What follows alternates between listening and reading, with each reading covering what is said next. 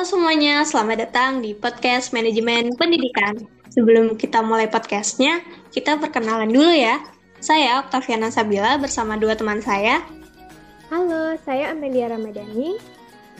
Halo, saya Anissa Zahara Kumaira. Kali ini kita mau bahas topik apa nih guys?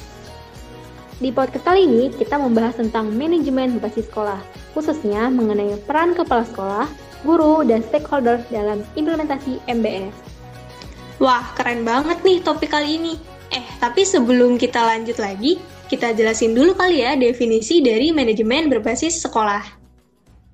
Oke, jadi manajemen berbasis sekolah adalah pelimpahan wewenang kepada sekolah untuk mengelola sumber dayanya secara efektif dan efisien, serta mendorong pengambilan keputusan secara langsung oleh sekolah dengan melibatkan partisipasi dari komponen-komponen sekolah. Komponen-komponen sekolah ini adalah kepala sekolah, guru, dan stakeholders. Peran dari kepala sekolah, guru, dan staff ini sangat penting banget loh.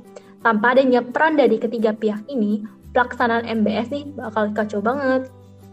Wah, serem juga ya. Berarti kita perlu bahas banget nih, biar kita sama teman-teman bisa tahu apa aja sih sebenarnya peran dari kepala sekolah, guru, dan stakeholder dalam implementasi MBS.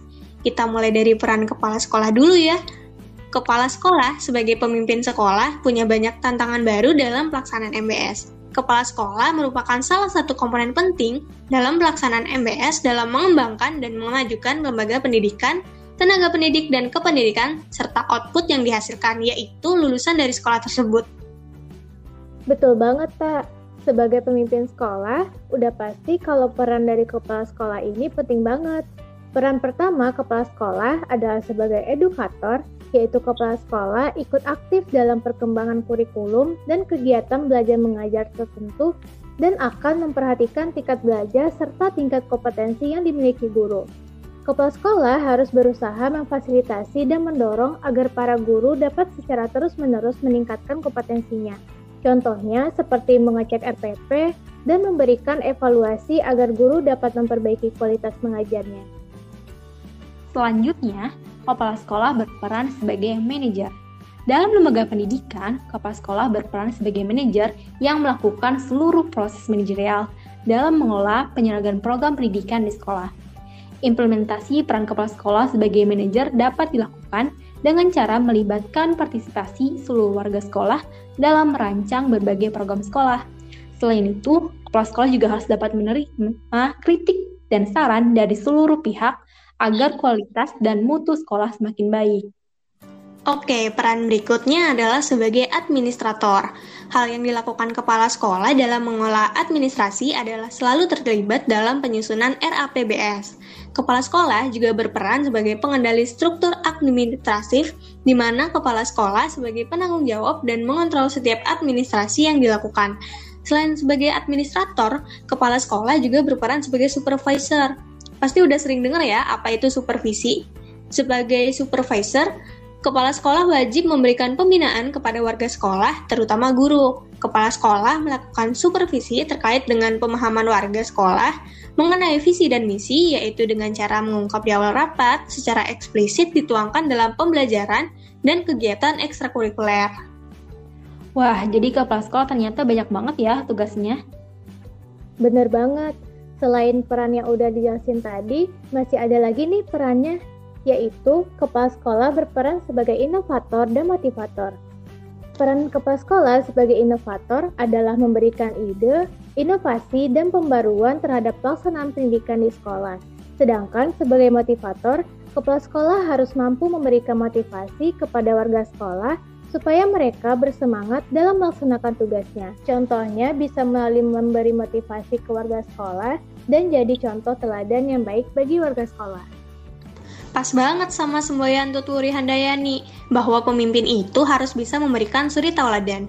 Eh, kayaknya masih ada satu peran lagi yang belum disebut nih. Nah, ya, peran yang terakhir ini yaitu kepala sekolah sebagai leader. Di awal udah disebut nih ya, kalau kepala sekolah merupakan pemimpin dalam lembaga pendidikan sekolah. Kepala sekolah sebagai leader merupakan salah satu kunci keberhasilan dalam meningkatkan mutu sekolah yang harus memiliki sifat jujur, percaya diri, tanggung jawab, dan berani mengambil risiko. kepala sekolah berperan sebagai kekuatan sentral yang menjadi penggerak dalam kehidupan sekolah. Nah, hal lain yang harus dilakukan kepala sekolah sebagai pemimpin kepala sekolah harus mampu mempengaruhi serta memberikan sugesti kepada guru, para guru dalam hal meningkatkan kinerja guru dan kepala sekolah juga harus mampu mengayomi seluruh masyarakat sekolah. Nah, peran kepala sekolah udah selesai kita bahas nih. Selanjutnya kita bahas tentang peran guru dalam implementasi MBS yuk. Ya, seperti yang kita ketahui, guru sangat berperan penting dalam menunjang pelaksanaan manajemen berbasis sekolah untuk meningkatkan mutu sekolah. Tanpa peran guru, sekolah tidak akan mampu berkembang secara optimal. Wah, kira-kira apa aja nih peran guru tersebut? Nah, yang pertama, guru sebagai inisiator, organisator, dan dinamisator dalam proses pendidikan. Kemudian, guru sebagai fasilitator yang memungkinkan terciptanya kondisi yang baik bagi siswa untuk belajar.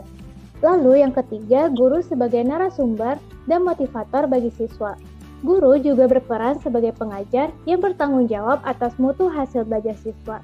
Dan guru harus mempunyai martabat dan citra untuk ditiru, dipercaya, dan diteladan di lingkungan sekolah dan masyarakat. Wah, banyak banget ya peran guru tersebut dalam membantu menyukseskan manajemen berbasis sekolah. Guru juga perlu nih untuk meningkatkan dan mengembangkan potensi proporsionalitas untuk meningkatkan mutu pendidikan. Betul banget, Anies. Nah, prinsip-prinsip profesionalisme guru yang harus kita pahamin tuh yang pertama ada harus memiliki bakat, minat, panggilan jiwa, dan idealisme. Kemudian, Guru juga harus memiliki komitmen untuk meningkatkan mutu pendidikan, keimanan, ketakwaan, dan akhlak mulia. Yang terakhir, memiliki kualifikasi akademik dan latar belakang pendidikan yang sesuai dengan bidang tugasnya. Kemudian yang keempat, memiliki kompetensi yang diperlukan sesuai dengan bidang tugasnya. Kelima, memiliki tanggung jawab atas pelaksanaan tugas keprofesionalan. Keenam, memperoleh penghasilan yang ditentukan sesuai dengan prestasi kerja.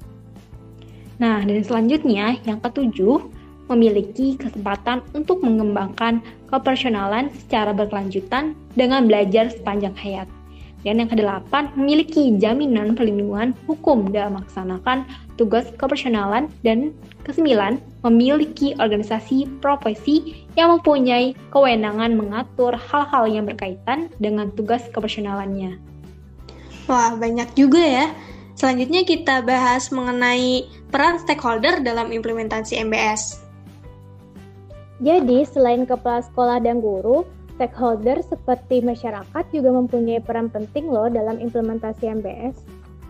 Nah, benar banget tuh Mel. Program MBS mengajak semua pihak yang terlibat dalam sekolah dan memerlukan kerjasama antara sekolah dan masyarakat. Oh iya, Kalian tahu nggak sih apa bentuk partisipasi masyarakat terhadap sekolah? Belum tahu sih Mel, emangnya apa sih? Jadi, bentuk partisipasi masyarakat terhadap sekolah dalam bentuk komite sekolah. Komite sekolah dibentuk sebagai wadah atau organisasi non-profit yang beranggotakan unsur orang tua peserta didik, pendidik, tokoh masyarakat yang peduli pendidikan, kelompok DUDI, dan kelompok pemerhati pendidikan. Komite sekolah diharapkan menjadi partner sekolah dalam upaya peningkatan mutu sekolah. Lalu peran komite sekolah dalam implementasi MBS apa aja sih? Wah, aku tahu nih peran komite sekolah. Peran komite sekolah dikembangkan sesuai tujuan pemerintah ada enam. Pertama, bekerja sama dengan kepala sekolah dan guru untuk menyusun rencana kerja sekolah dan rencana kegiatan dan anggaran sekolah.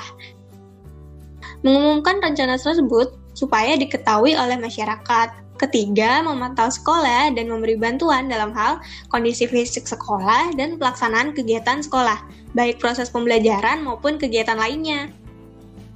Yang keempat, mendorong orang tua peserta didik dan masyarakat untuk berpartisipasi dalam pendidikan guna mendukung peningkatan mutu dan pemerataan pendidikan.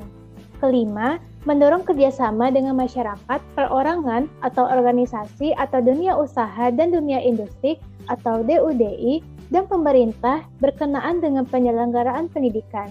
Dan yang terakhir, menampung dan menganalisis aspirasi, ide, tuntutan, dan berbagai kebutuhan pendidikan yang diajukan oleh masyarakat. Nah, banyak juga ya peran komitmen sekolah terhadap implementasi MBS. Tapi kalian tahu nggak sih, ada juga loh jenis-jenis peran serta masyarakat dalam pelaksanaan MBS. Wah, apa aja tuh, Nis? Nah, yang pertama, pendanaan biaya pendidikan. Kedua, pembangunan dan perawatan fisik sekolah.